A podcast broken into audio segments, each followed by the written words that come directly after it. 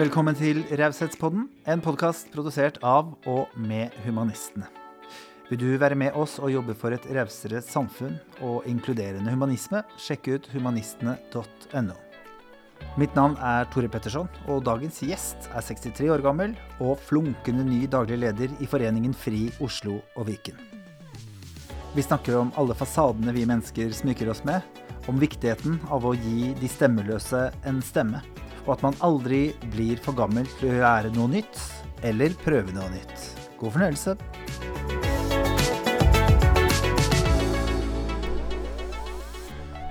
Da var det fredag igjen, og Raushetspodden går sin gang. I studio i dag har jeg en uh, gammel bekjent, ikke gammel bekjent, men for meg en gammel bekjent, uh, som bodde en kort periode uh, som min nabo. Og som har fått en veldig ny og spennende jobb. Så jeg vil si velkommen i studio og gratulerer med ny jobb, Toril Pallesen.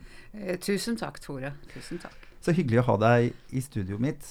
Jeg inviterer jo rause mennesker Eh, og jeg fikk gleden av å ha noen kaffestunder sammen med deg i bakgården vår.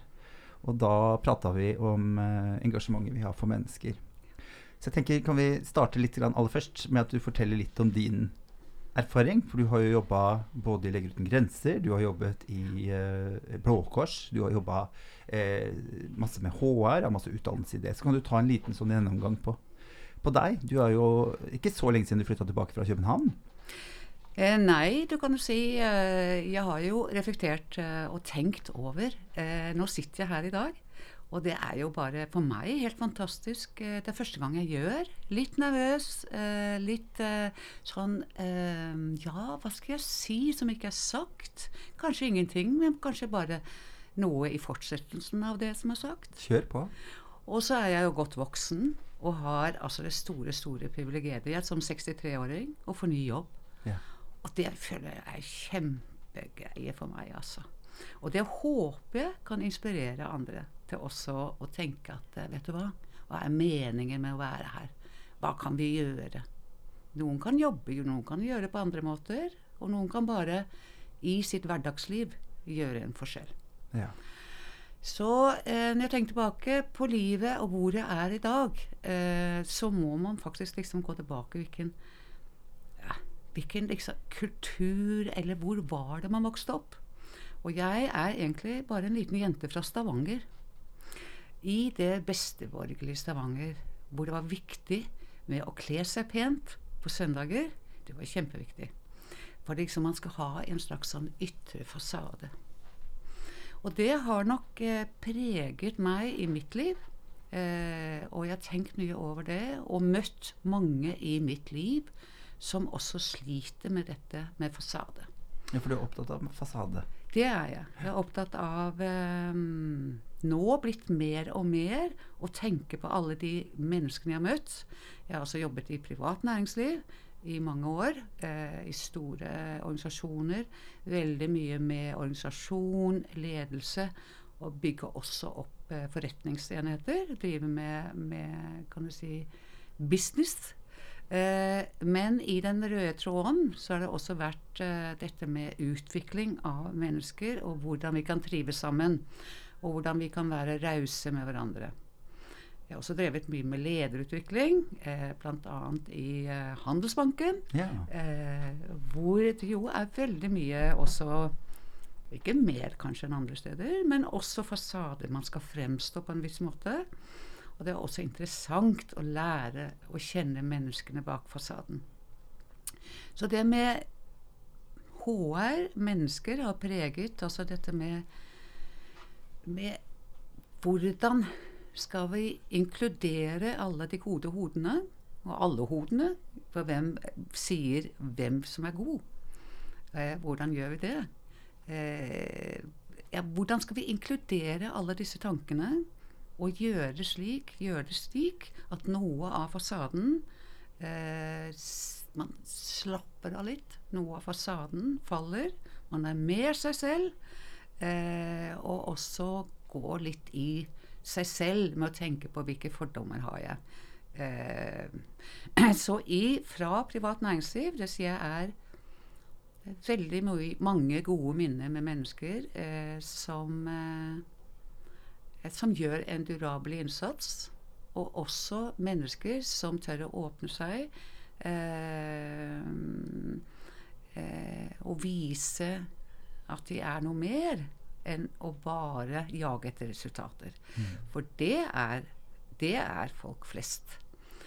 Eh, og så vil jeg også si at eh, jeg har jobbet som tillitsvalgt en stund.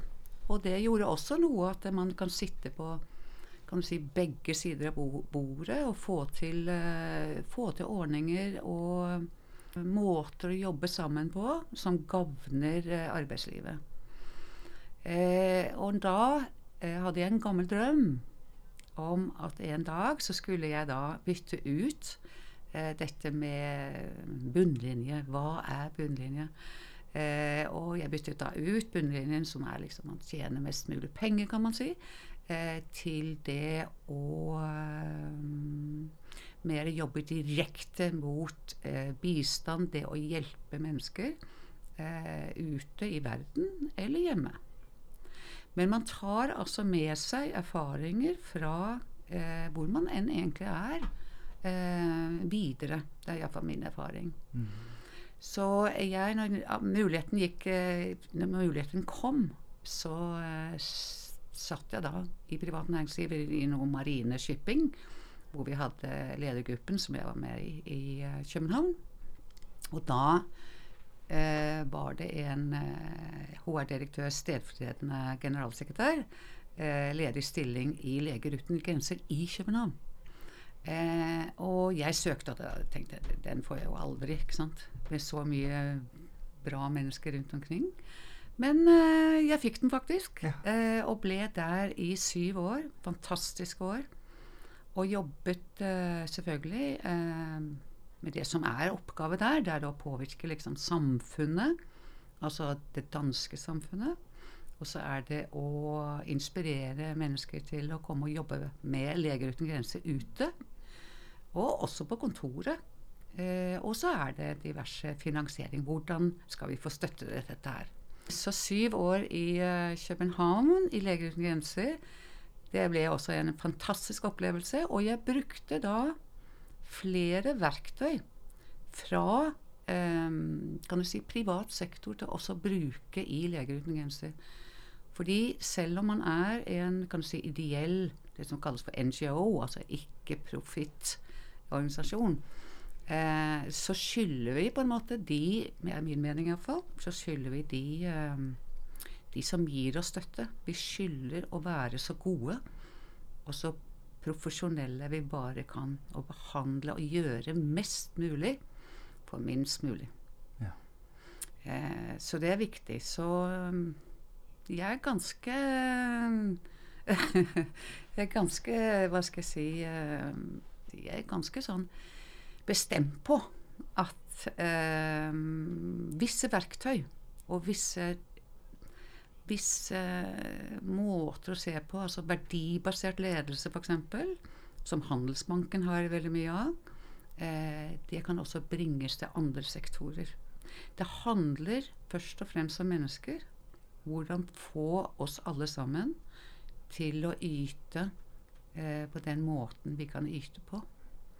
Eh, og etter syv år i, eh, i Leger uten grenser, med både jobb i Danmark og ute i forskjellige steder i verden, eh, så skulle jeg hjem igjen. Hjem til Norge. Hjem til Norge. Og da eh, var det en ledig stilling i Blå Kors, som jeg ikke kjente til, og trodde det var en litt sånn liten organisasjon. Og jeg hadde hørt mye godt om de som hjalp, kan du si, også de som trengte det, som hadde kommet veldig langt ned og Ja. trengte veldig mye hjelp for å komme seg opp igjen. Men det viste seg at det var mye mer enn det. Eh, og de gjør fantastisk mye godt. Ja, for Blå Kors er ganske stort. Jeg, jo, jeg reiser Ja. jo litt rundt omkring i dette landet, og jeg går stadig forbi Blå Kors-dører. Det, det er stort. Det er eh, ca. 1200-1300 medarbeidere ansatte. Ja.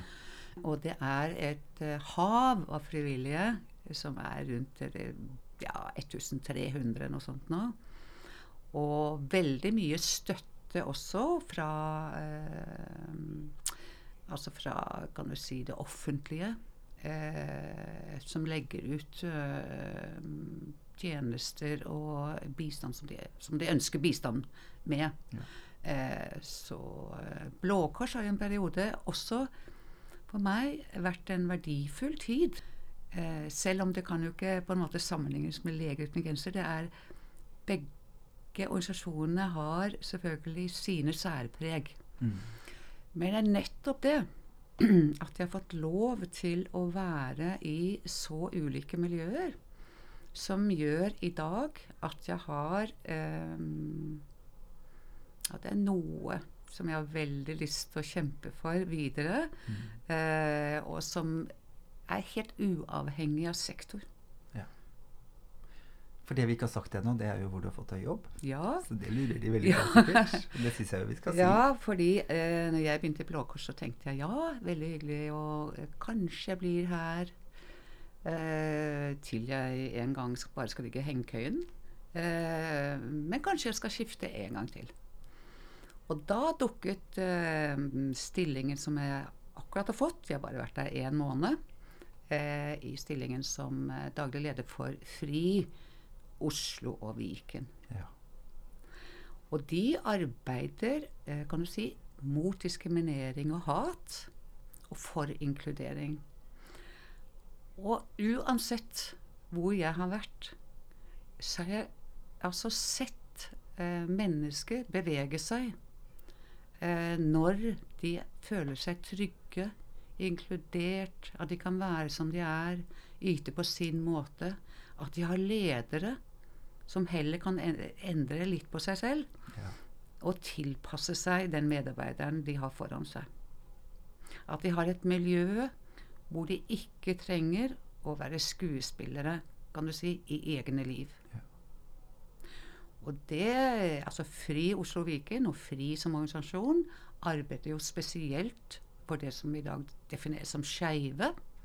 Eh, men dette eh, med å være seg selv og ikke ha fasade, og ikke på en måte eh, prøve å stå imot alle som eh, lager disse rammene for oss på hvordan vi er bra mennesker, eh, det, det gjelder mye mer enn det å være skeiv, altså. Du har levd litt. Jeg vil ikke kalle deg eh, på noen måte gammel, men du har jo fått noen år på bakken. Ja. Ehm, og jeg er, jeg er veldig opptatt av sannheter, da. Mm. Det at vi blir tillært sannheter. Samfunnet har det, mamma og pappa Ja. har det. ikke sant? Lærerne Ja. våre har det. ja. Um, hvilken sannhet er det du liksom helt klarest har ha- eide da du var barn, som du i dag ser at det, det der var jo bare tull? Klarer du å komme på det? Sannheten om, vil jeg si, at Sannheten om at det skal være At man skal være på en Altså man skal være på en spesiell måte for å få aksept. Det er den største Altså én ting er Kan du si Kardemommebyen. Ja. Ikke sant? Mm. Eh, man skal sant, være snill og grei, og ellers kan man gjøre som man vil. Og du kan si at det, det at vi har skyldfølelse og søker i en eller annen slags Nå går du opp på rommet ditt og skammer deg. Mm. Ikke sant? Det at vi har det, det er jo i grunnen ganske bra. Ja. Fordi at det, det speiler jo liksom at vi ikke skal være slemme mot hverandre, for å si det helt enkelt. Mm. Og at vi skal kunne tenke oss om. Så det er jo en liten skammekrok som jeg er i av og til. Det skulle jeg ikke ha sagt, eller nå er jeg litt dum, eller urimelig, eller et eller annet. Så det, det med skyldfølelse, eller å skamme seg eh, på den måten, uten at det går til eh, altså helt i overhånd, det, det, det er jo på en eller annen måte en korrigering av egen oppførsel. Og jeg tror det er derfor at samfunnet i dag eh, er ganske sånn eh, Hva skal jeg si Ganske samstemt mot det vi sier er akseptert oppførsel, yeah. og det vi sier ikke er. Og det er det jo til og med straff for, ikke sant? yeah. Så det er, vi er ganske samstemte, og liksom, det er jo ikke alle land, f.eks., hvor det er forbudt å slå barn. Så det er jo en holdningsendring eh, fra jeg var liten, Ikke det at jeg har blitt noe spesielt slått, men det er jo holdningsendring i samfunnet. Så, det, eh, så i dag så tror jeg Norge er ganske sånn samstemte mellom det som er nedfelt i lover, og det holdningene eh, overfor hva som er rett og galt, rett og slett. Mm. Eh, tror jeg ganske at vi er eh, ja, ja, vi er enige med oss selv. Og så er det jo slik at eh, det er en annen form for skam som jeg gjerne vil kjempe imot. Ja. Og det er skammen over å være den man er. Og den bringer Den medfører at mennesker taper seg en fasade. For vi ønsker alle sammen å høre til. Mm. Vi ønsker å bli sett på som ålreite. Og når vi i utgangspunktet føler skam over den vi er, eller over at vi har en for stor nese, eller vi er ikke slanke nok, eller vi er for tynne, eller at vi er skeive, eller har en annen farge på huden Når vi skammer oss over det, den skammekroken sk kroken, vil jeg at vi skal slette. Ja. For den er ikke sunn. Nei, den er ikke sunn. Jeg lærte en gang skyld, det er jeg gjorde noe dumt. Skam, jeg er dum. Ja. Ja. Der sa du det veldig bra. Mm, det Mm. syns jeg er fint. Ja. Det er greit å det er som du sier, det, er jo, det fins jo en, en, en veiviser i dette også. At vi ikke går gjennom livet blottet for, for skyldfølelse. Og det er greit, Ja. å, greit. Har du vært en ja, ikke sant? dritt, så er det fint at du kjenner litt på det. Ja. Men det er den der 'jeg er feil'. Jeg er feil. Mm. Og det er jo da vi kommer tilbake til eh, fasade. Og da har jeg tenkt mange ganger hvem er det som har skapt dette her? Eh, og hvorfor er det så truende hvis For det opplever jeg også med mine egne fordommer. Kanskje ikke truende, kanskje det er litt på sterkt ord, men eh, hvorfor liksom eh, Er vi ikke mer nysgjerrige istedenfor å lære, lære mennesker å kjenne istedenfor å være så forhåndsinntatt. Så det har jeg jobbet veldig mye med meg selv, og, og, og møtt så mye, mange mennesker. Og tatt meg selv mange, mange ganger i å være forutinntatt bare ved å møte et menneske. Så på noen sekunder så har man et eller annet bilde av det mennesket. Ja. Og det er jo bygget ut av da i en eller annen eh, oppfatning. Mm. Alt fra kleskoder det, det, altså, ja, til eh, hvordan man ser ut. Ikke sant? Hvordan man snakker. Hvordan man snakker. Mm. Det var en eh, amerikansk svært kjent dragartist. Jeg vet ikke om du har sett RuPaul's Drag Race? Nei. Nei. Det er en god eh, innøving i den nye jobben din som uh, Ja. leder i FRI. Eh, men han sier noe så fint som at 'you're born naked, and the rest is drag'. Ja. Ja, og det syns jeg er litt fint. Ja, ja. For drag det kan jo være høye hæler og, og Ja. men det kan jo også være hvilken utdannelse du har. Hvordan snakker du, hvilket miljø henger du Ja. Hva er din, hva er din drag-historie, da? Ja, ikke sant? Jeg syns det er litt fint. Ja. Mm. Det der er mye historie, syns jeg. ja. Vi er alle litt drag. Vi er det, og du kan si det er jo ikke noe galt å f.eks. å pynte seg, og nei, nå ser jeg fin ut. Det er ikke det. Men det er når skammen blir slik at man ja, på en måte ikke Jeg på en måte spiller et litt skuespill. Vi kjenner jo mange, jeg er også kjent på det, f.eks. Ja, er jeg så god, da? Ikke sant? I en jobb, f.eks. Mm. Mange som snakker om Jeg, jeg har holdt på mye med ledere og, og medarbeidere og gjennom tidene. Vet så mange Ja, når blir jeg avslørt? Ikke sant? Imposter syndrome. Ja, Mm. når er det Jeg, jeg er egentlig ikke sånn. Nei. Så jeg skulle ønske Jeg skulle ønske virkelig, det mener jeg helt alvorlig um, Arbeide for at vi snakker enda mer. Og slapper litt av. Og åpner opp. For vi er ikke det, Altså, jeg tror vi har en stor gevinst av å um, snakke mer om fasader og skam. Det tror jeg. Du selv har jo Jeg tenker Dette er jo, dette er jo førstehåndsinformasjon, holdt jeg på å si. Ja. For du har jo opplevd det selv òg. Ja. du var uh, gift med en kvinne. Ja. eh, Elleve år. Stemmer det? Ja, vi var gift, elleve. vi hadde forhold 18. Ja, ikke sant. Ja, Ja. nettopp. Ja. Uh, hadde barn, som da har to mødre. ja, det var med en tidligere. Ja, men det ja. Mhm. Ehm, så jeg tenker Hva har det gjort med deg, sånn inn mot arbeidsliv og følelsen av å kunne være åpen? For dette er jo det du jobber med nå. Nå skal du Mm. Gjøre det lettere for de som kommer Ja, etter deg. ikke ja, sant? Ja. ja. Har det vært noe du har tenkt mye på? Veldig. Ja. Og, og derfor så Jeg vet ikke om det er en fordel eller ulempe, men jeg vet at det kan ta lang tid å bli trygg på seg selv, trygg nok på seg selv, til å kunne liksom ikke føle skammen. Og jeg vil gjerne Jeg vil gjerne mm, Hva skal jeg si? Hvis jeg kan gjøre et lite bidrag, eh, så vil jeg gjerne påvirke til at det blir lettere for andre. For det er ikke så farlig som man tror. Men det er også i situasjonen man er, eh, så oppleves det som på en måte lettere å ikke si alt som det er, på en eller annen måte. Så jeg har eh, selv hatt si, lange forhold i mitt liv, bare noen stykker. Eh, bodd sammen med, med, med kvinner, forhold med kvinner. Og eh, fortalt dette, hvordan det var, til de som jeg ble kjent med.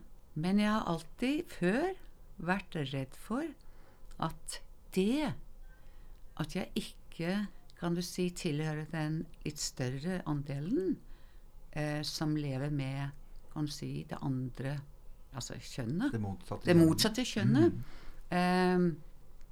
Eh, eh, så jeg har alltid vært tilbakeholden. Eh, fordi jeg har også vært redd for at det for, At det er det som er, er viktig med meg, og ikke meg som menneske. Ja. Og det er jo det eh, som er så fantastisk. Når jeg er blitt kjent med mennesker, også ute i verden, så har jeg også kjent på fordommer med det. Og hatt mange lokalt ansatte som jeg jobber tett sammen med, som er fra andre land. Ute i det landet de bor. Ja. Eh, og når man blir kjent med mennesker, uansett, som er ulik en selv på mange måter, så er det en helt annen ting. Og jeg tror det er det som har ligget som hovedgrunnen eh, for meg. Og så har det gradvis bygd seg opp en eller annen form for protest. Ja. Jeg vil si at uh, for meg er det mye lettere om jeg har vært tillitsvalgt eller om jeg har vært leder, å stå opp for andre enn meg selv. Ja. Mye lettere. Så det betyr jo at man blir usynlig. Og faktisk, eh, hvis vi snakker om skam, så kan jeg i dag skamme meg litt over at det har gått så lang tid. Fordi jeg har jo medvirket til, på en måte hvor jeg ikke står opp selv, så har jeg medvirket til at andre også Ikke sant? Ikke har tør. Ikke tør. Mm, mm. Så jeg har jo vært i posisjoner hvor dette kunne Jeg kunne ha tatt tak i det på en bedre måte. Du kunne slått opp noen dører. Ja. Men jeg syns jo du gikk ut med et smell da når du først gjorde det. Ja. Vi hadde en kaffe i bakgården hvor du litt sjenert kikket i bakken og sa 'Jeg har vært gift med en kvinne'. så husker jeg tenkte sånn 'Å ja, jeg bor jo med en mann'. så jeg regner med, Men vi hadde jo ikke snakket om det heller. Jeg, det var, jeg hadde jo ikke sagt Men jeg regner med at det var ikke et enormt sjokk for deg at jeg Mm. foretrakk menn. Um, men så har jeg jo, for du um, jo, jeg jobbet jo i en, en kristen organisasjon. Mm. Det kan jeg jo skjønne er Jeg også ville syntes at det var skummelt. Jeg hadde ikke dytta, dytta homoflagget inn døra først, på en måte. Det er noe med å la, som du sier, da, bli kjent med den personen som, Mm. som du er Mm. først. da.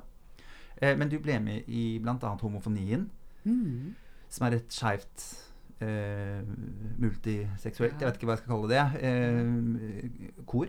Ja. Jeg fikk gleden av å være med på konsert, til og med. Ja, altså det ehm, Jeg vil si at eh, uansett eh, altså Blå Kors, privat næringsliv, Leger uten grenser ehm, Så har jeg eh, I dag har jeg ikke noe sånn at den ene organisasjonen har vært noe verre eller bedre enn den andre. Nei. Det er mer at vi ikke snakker om det. Mm. Og det Og jeg har fått, f.eks. når jeg sluttet i Blå Kors, veldig mange veldig positive Eh, å stå på Ja, kjempefint. Som jeg ikke har snakket med dette om. Ja. Så jeg vil si eh, Alle, jeg tror alle mennesker egentlig eh, vil ha en mer rausere samfunn. Det er bare ikke at eh, vi vet ikke riktig hvordan vi skal komme det Nei. der. Og det er også raushet mot andre, f.eks. For forskjellig At man forskje- tror på forskjellige eh, Ja, hva skal jeg si Forskjellige religioner. Tror på forskjellige ting.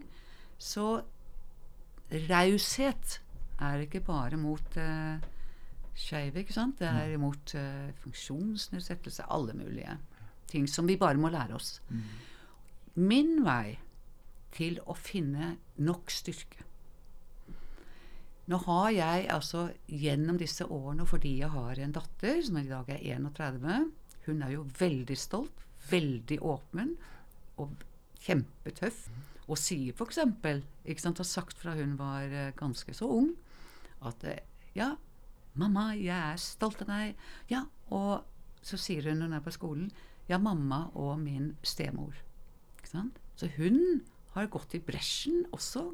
Eh, på en måte. Eh, Altså uten at hun på en måte jeg har skjøvet ansvaret, det, det vil jeg ikke si at det er så mye, men eh, at jeg har gjort, men, men allikevel så har hun oppmuntret meg. Så jeg vil også gi en honnør, altså, til de unge. Fordi eh, veien blir til. Og jeg tror også man skal høre på de unge. Og noen ganger så gir de en styrke til vi mer voksne kan ta oss sammen litt og Ok, nå er det på tide. Så når jeg kom tilbake til eh, Oslo, så hadde jeg skilt meg. Og så tenkte jeg nei, nå må jeg jo Nå har jeg bodd eh, ti år hadde jeg bodd i utlandet. Eh, og tenkte nå må jeg skaffe meg Nå må jeg gjøre noe. Jeg har noen veldig gode, gamle venner.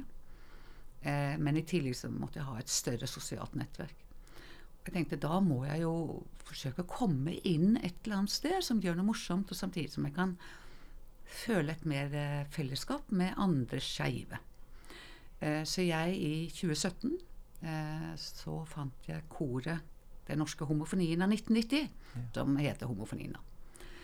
Eh, og det vil jeg si, det fellesskapet, at man har noen der igjen, den tilhørigheten eh, som vi alle, tror jeg, egentlig ønsker.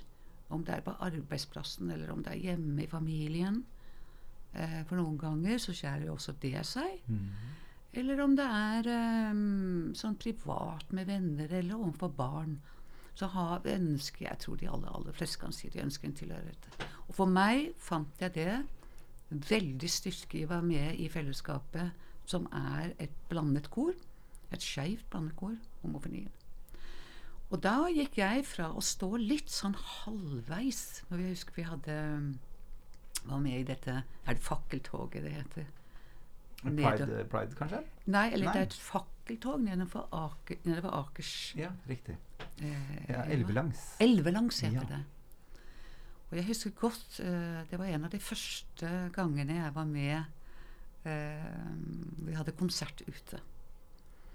Og da var jeg litt sånn halvnervøs og gjemte meg litt, husker jeg, bak en av de store eh, bassene våre. Eh, når jeg kunne liksom få tenkt hvis det var noen som liksom så at jeg sto her sånn helt åpent uten at jeg kunne gjøre noe. Eh, men gradvis så altså, fant jeg en sånn styrke i å være i det fellesskapet og høre på mennesker. og ja, Så det har gitt meg For meg har det vært eh, det endelige, kan du si, eh, det endelige pushet til å tenke Nei, Toril, nå er det jammen meg på tide. Jeg er ganske treg av meg forstå. ja, det tok jo litt tid. ja. Men jeg syns jo du gjorde det ordentlig. Du var jo eh, konferansier på konserten, julekonserten jeg var på, så du Når du først gjør det Ja. Så- Så, Da gjemmer du deg ikke? Ja, nei. Så nå mm, ble jeg spurt om å være leder av koret etter eh, noen måneder, holdt på å si. Sånn at eh, Og da, når jeg ble spurt om det, da gikk det rundt i hodet mitt og tenkte OK, Toril, nå blir jeg spurt om å være leder for homonien. Det er ingen vei tilbake. Så jeg sa ja. Og det var ikke Altså det er mange andre der som kan være ledere for Homofonien. Det koret er fantastiske mennesker. Eh, men eh, det var en bevisst ting jeg gjorde, fordi at da tenkte jeg nå, nå må du bare Så jeg har hatt mange lederoppgaver i mitt liv. Og jeg vil også kalle Ja. Og, og vært interessert i det å påvirke.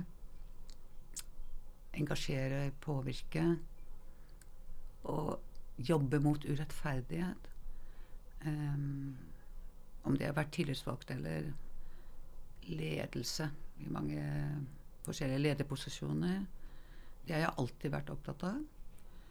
Eh, men nå gikk det jo inn på meg. Ikke sant? Så når jeg sa ja til å være leder av Homofonien, som jeg fremdeles er, men nå må jeg vel kanskje snart gi meg, da. eh, ikke det. ikke det. Nei, men, uh, så var det et mer personlig eh, For det medførte andre ting. Mm. Og da, etter et et par år, når eh, stillingen i Fri Oslo Viken, tenkte jeg det, det skal jeg bare gjøre. Ja, For det var ikke sånn at uh, du tuslet inn døra og de sa 'så fint du kom, sett deg ned her'? Det var jo en prosess. Det var mange oh, ja, som søkte. Ja, ja, ja, det var det. Ja. Så det var en ordentlig, grundig rekrutteringsprosess. Eh, og jeg tenkte Er jeg for gammel, liksom? Så tenkte jeg nei, da får jeg si at jeg bringer mangfold i alder mm. på en arbeidsplass opp. Eh, og det var ikke, det var ikke et, uh, en issue, eller det var ikke en, en sak. Nei. Nei. jeg tenker jo, jeg har jo uh, sittet og gått litt gjennom hva du har holdt på med, og hva du gjør. Um, og jeg tenker jo at uh, Jeg ser for meg at de klødde seg litt godt i hendene når de fikk din uh, søknad din på bordet. For jeg tenker du kommer jo med en vanvittig kommer med vanvittig erfaring. Og en trygghet, da. Ikke sant? Mm. Det der at du og, og, ikke minst det at du har liksom tatt Ikke ditt siste, men i hvert fall kanskje største steg i voksen mm. alder. Mm. Som sikkert er vanskelig for mange, da. Helt sikkert. Jeg har fått uh, Det virkelig gledelig. Jeg hadde ikke tenkt over. Vi har fått mange tilbakemeldinger på at uh, av voksne som kan si Hvis jeg sier det er 55 pluss, ja som har sagt at det er kjempeinspirerende og lykke til, og så fint at det går an. Så dette er jo ikke til forkleinelse, det vil jeg si, for mennesker eh, som da synes at eh, arbeidslivet det har vært nok, hvis de er liksom et eller annet sted, kanskje i 60-årene eller hva de er. Eh, det må være opp til enhver selv. Men skal, man skal ikke altså tenke at slaget er tapt hvis man ønsker eh, å være i arbeidslivet noen år til. Eh, og det, altså eh, Det er en del av samfunnet som vi skal ta på alvor. For jeg tror at det går mye erfaring tapt av at man ikke har en, eh, en miks, en mer miks. Eller at man tenker at nei, nå er det slutt fordi at man nærmer seg 60. Alltid, dette er min private forskning. Eh, helt hjemme i, på Grünerløkka-forskning. Ja. Jeg har alltid tenkt eh, Jeg møtte en, en eh, godt voksen eh, dame. Hun eh, hadde vært interiørarkitekt i mange mange, mange år og hadde blitt ditcha for de unge. Mm. Og da husker jeg jeg tenkte at hvis jeg hadde drevet en business, mm. så ville jeg i aller høyeste grad sørget for at jeg ville tatt med den beste ringreven, altså den som har vært lengst i gamet, mm. og ansatt to nye som den kunne lære opp. Altså Det er noe med å ikke la, mm. ikke la erfaring gå, gå tapt òg, da. Mm. Så jeg tenker det å få inn noen med litt mer mm. erfaring som kan jobbe med de unge, jeg tenker det er så lærerikt for dere begge to. For det er jo Veldig. mye som skjer om dagen. Jeg må jo si det. Jeg er 42 år gammel. Mm. Snart 43, bare om en, en uke eller to. Um, og jeg kjenner jo at uh, jeg syns det der med skeiv Jeg vet ikke om det er lov å si skeiv lenger engang. Uh, mm. Fordi at det reageres jo på mye om dagen. Jeg syns det er kjempevanskelig. Mm. Og jeg opplever jo meg selv jeg, Selvfølgelig har jeg fordommer, jeg som alle andre, men jeg har et, et veldig innstendig ønske om å ikke være fordomsfull. Mm. mm. mm. Men jeg blir jo litt redd når det blir så mange nye ord. Så mye nye kjønn, så mye Ikke sant? Eh, mm. Plutselig kommer det ord som cis-kvinne, ikke-binær. Jeg husker jeg mm. spilte inn en sånn um, um, Gå for meg, husker du den mm. kampanjen som var? Hvor jeg leste en tekst fra en ikke-binær person, og jeg dro derfra og tenkte dette må jeg google. For dette vet, jeg, dette vet jeg ikke hva er. Nå er det noen år siden. Men jeg tenker at det kan ikke være noe mindre skummelt for deg, eller eh, læringskurve, da. Nei, du kan si at uh, uh, hvert uh, Eller hvordan skal jeg si Hver, hver sektor eller område man arbeider med, har jo sitt eget også språk.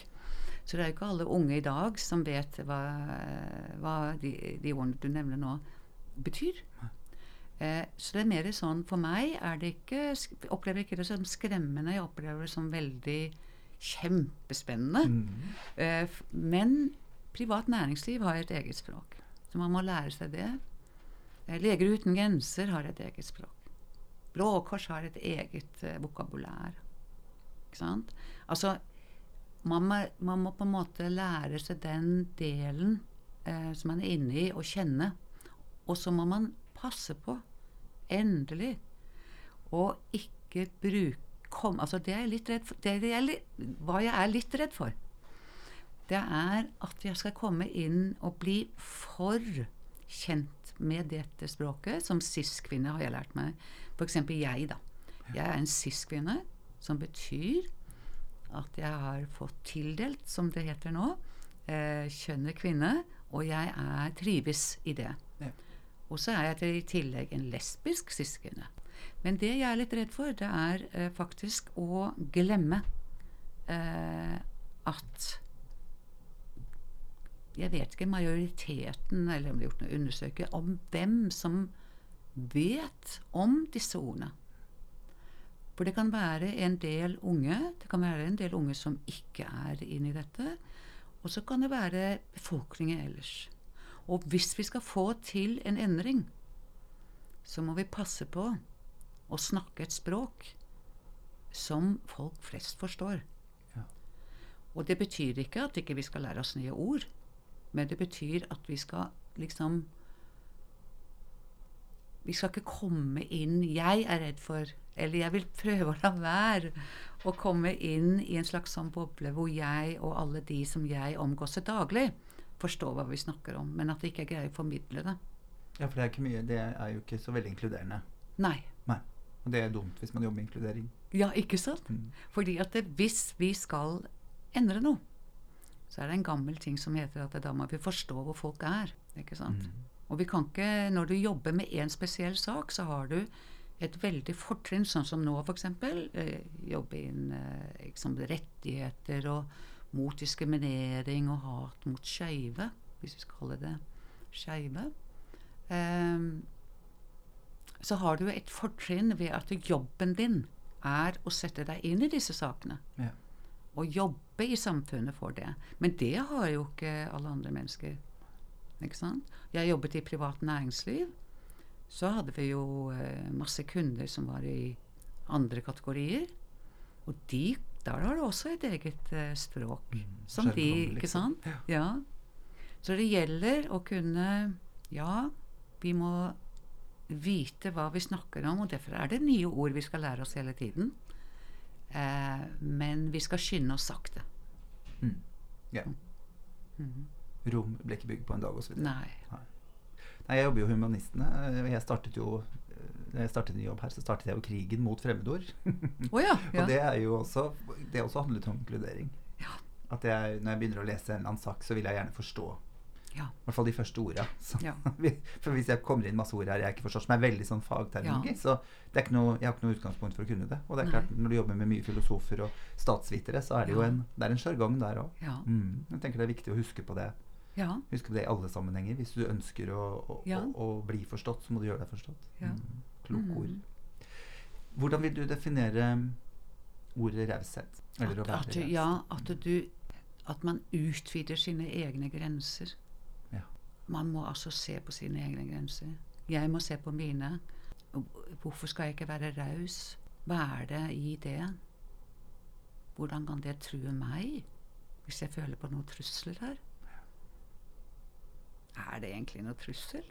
Eller er det en gevinst ved at jeg kan få innspill fra enda flere folk? Ja, fint. Er du raus mot deg selv? Nei, ikke så mye som jeg egentlig skulle. Nei. Jeg er ganske flink til å finne feil. Mm.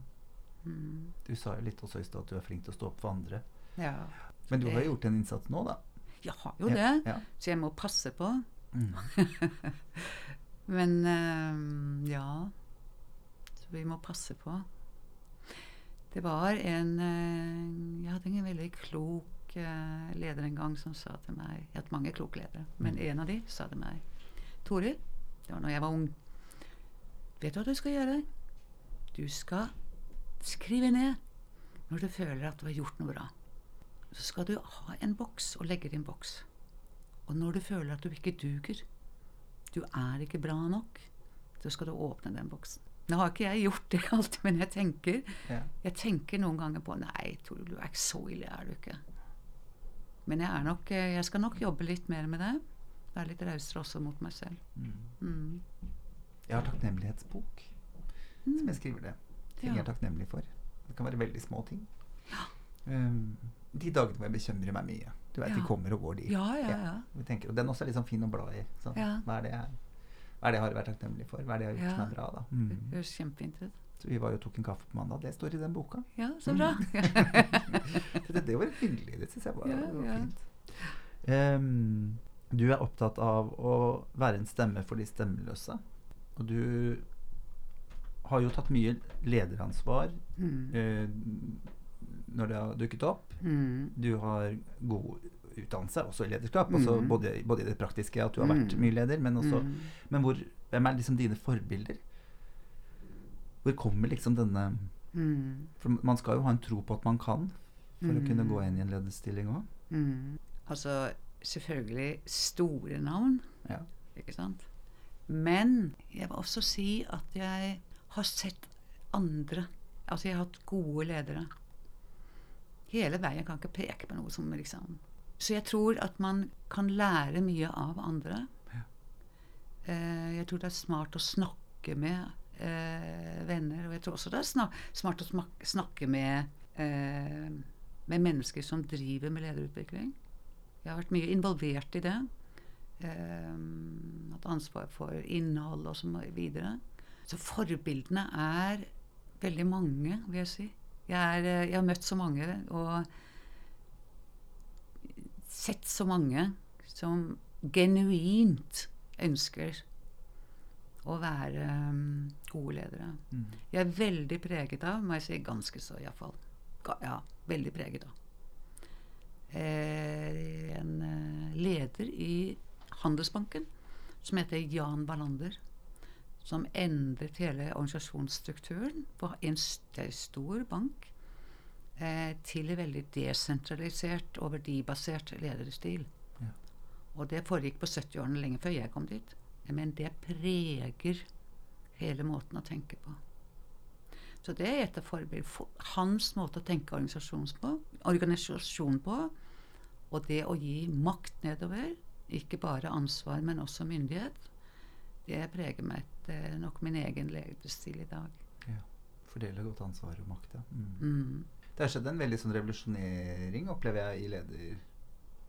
Det er mye mer fokus på, på godt lederskap nå enn det det har vært, Mm. vært tidligere, opplever jeg, da. Mm. Fra mitt ståsted, i hvert fall. Ja. Det var ikke så mye snakk om en god leder på 60-tallet. 70-tallet Mm. på samme måte, kanskje bortsett fra Nei, så der eh, må jeg jo si Altså den svenske handelsbanken, eller Handelsbanken i Norge. Altså hele den eh, filosofien som ligger Så her gjør vi. Hele, det er masse tanker bak her. Eh, hvordan får man dette med desentralisering og det folk til å blomstre? Eh, hvordan man, får man det til i praksis? Og det er én ting jeg vil slå et slag for når det gjelder lederutvikling i dag, og det er enda mer fokus på eh, Fokus på om ikke også ledere skal tørre å slippe litt mer av fasaden. Ja. Og det vet jeg ikke, det burde nesten være obligatorisk før Mm. man fikk eh, være leder. Fordi fasade og det ikke kunne si at man selv gjør feil, eller selv ikke er fullkommen, det smitter altså over på hele kulturen. Og sitter man i øverste ledergruppe, så smitter det jo nedover.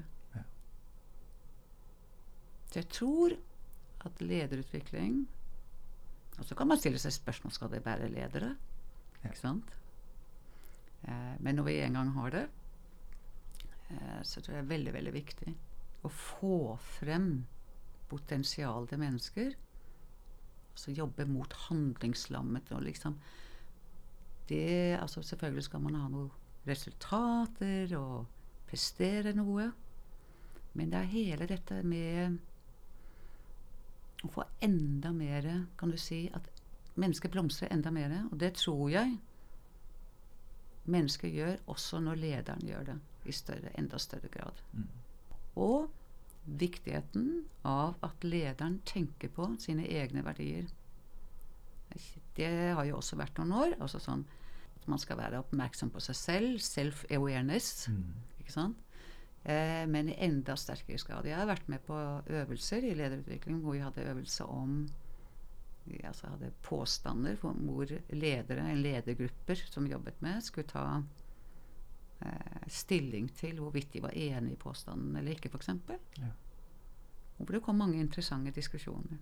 Og det verdigrunnlaget man har, de forutinntatte eh, holdninger og, og, og um, ja, fordommer, det kan gi ubevisst utslag i håndtering av den gruppe mennesker man er satt til å styre.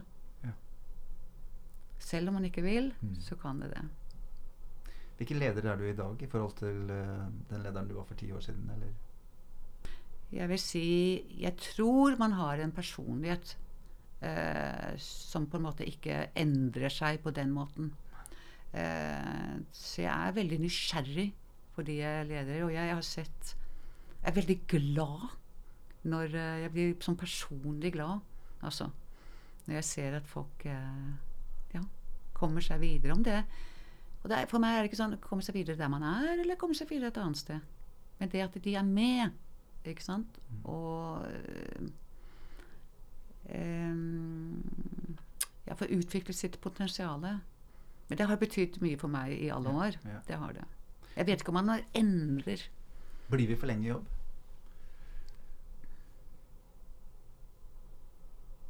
Nei, fordi at det, det er også avhengig nå tenker jeg ikke pensjonister, men at vi blir for lenge på en jobb. vi Nei, det tror jeg ikke nødvendigvis. Eh, fordi eh, man kan godt ha en eh, organisasjon som er i veldig utvikling. Jeg har sett, har selv vært med gleden med å mm, bygge opp Handelsbanken f.eks. i Norge. Eller eh, ja, de andre organisasjonene har vært i vekst.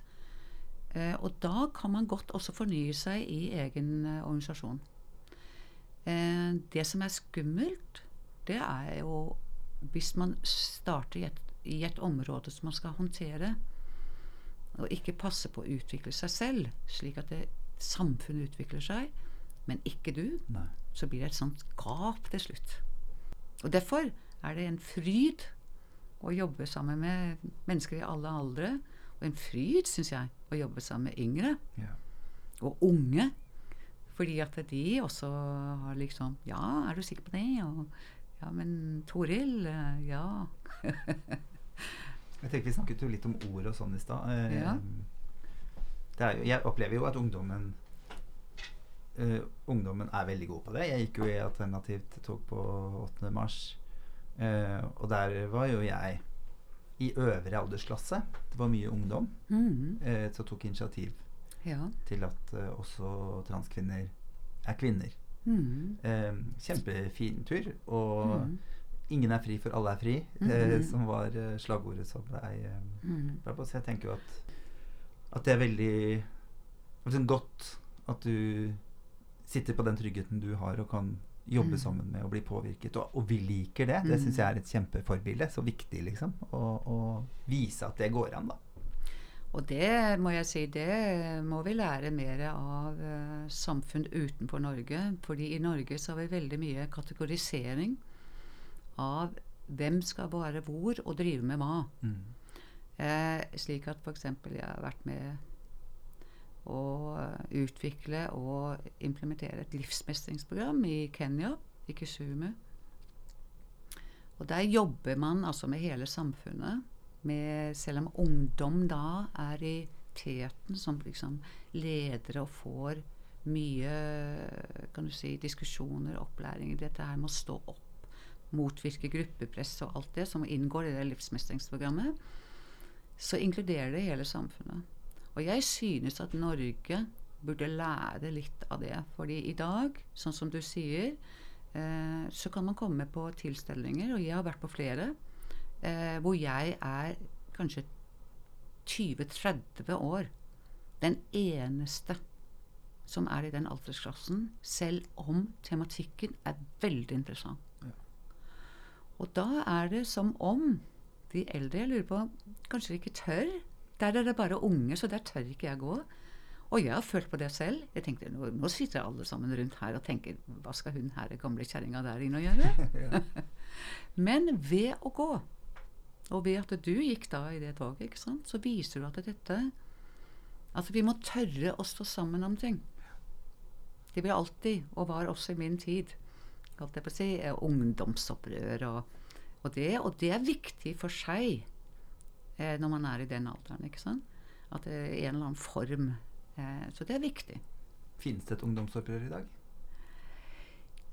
Ja, jeg vil si at eh, jeg syns at ungdom selv er flinke på å snakke om inkludering. Ja. Jeg syns de er flinkere enn det tidligere generasjoner har vært. Jeg vet ikke om det kan kalle det et opprør, men det er noe i er noe i tiden. Og da mener jeg at det er de mer voksnes også ansvar. Altså det må komme fram flere, med flere steder. Mm. Det må også komme fra de i dag som er tause. Og dette med å gi tause en stemme, det er egentlig noe jeg lærte veldig mye om i Leger uten grenser. Eh, hvor eh, store deler av verden, eller det er jo liksom kanskje mer stemmeløse eller ikke har mulighet til å heve stemmen av forskjellige årsaker. Og da er det veldig viktig at noen ikke sant, hever stemmen på andres vegne. Ja. Men jeg håper at det i Norge, for alle de av en eller annen grunn holder en fasade, ikke skal være nødvendig om noen år. Mm. Og heve stemmen tenker vi er flinke til å tenke at vi skal være oss selv på individuell plan. Altså mm. hver enkelt person. Men mm. det er kanskje den derre massive Tenk på sosiale medier. Hvordan mm. det de også for unge eh, Veldig lett å, på ulike plattformer å skape et inntrykk av eh, hvordan det er å være suksess, og så fint vi har det her. Det er jo en kjent sak. Ja. Veldig press også. Ikke sant? Det er enda mer kanskje innstendig press på unge hvordan uh, de skal være. Via sosiale medier, f.eks. Mm. Helt til slutt så skal vi uh, trekke en lapp fra Den rosa mm. skåla. Mm. Du kan bare ta en derfra. Der er det også verdiordene til humanistene. Og det er setninger som vi jobber ut ifra. det kan være hva som helst. Det er ikke jeg som har laget de, så jeg vet ikke hva som står på de. Hva står det? Vi vil være en motvekt til et fordomsfullt samfunn. Ja. Det var jo veldig i takt med det vi har snakka om nå, da. Er det noe mer du har lyst til å legge til? Jeg kan jo bare si at det støtter jeg. Det er det, det i humanistene, ikke sant? Mm. Ja. Mm. Det må jeg støtte fullt ja. ut. Ja. Og du er også medlem i Humanistene? Det er jeg. Ja. Eh, fordi jeg fant det som en veldig Yes, det vil jeg faktisk si. At uh, det dere står for, det er en av mange delene som skal til uh, for at vi får endring mot et rausere samfunn. Det mener jeg. En fin avslutning. Ja. Toril, tusen takk for at du kom til studio. Gratulerer igjen med en ny jobb. Gleder meg til å se hvordan det blir. Og så um, jobber vi sammen for et rausere samfunn. Ja. Takk og tusen takk for meg at jeg fikk lov å komme. Veldig koselig å ha deg. Mm. Du har hørt på Raushetspodden, en podkast produsert av og med Humanistene. Vil du vite mer om humanistene, gå på humanistene.no. Gjenstår bare for meg å si riktig god helg. Ta vare på hverandre, så ses vi igjen om en uke.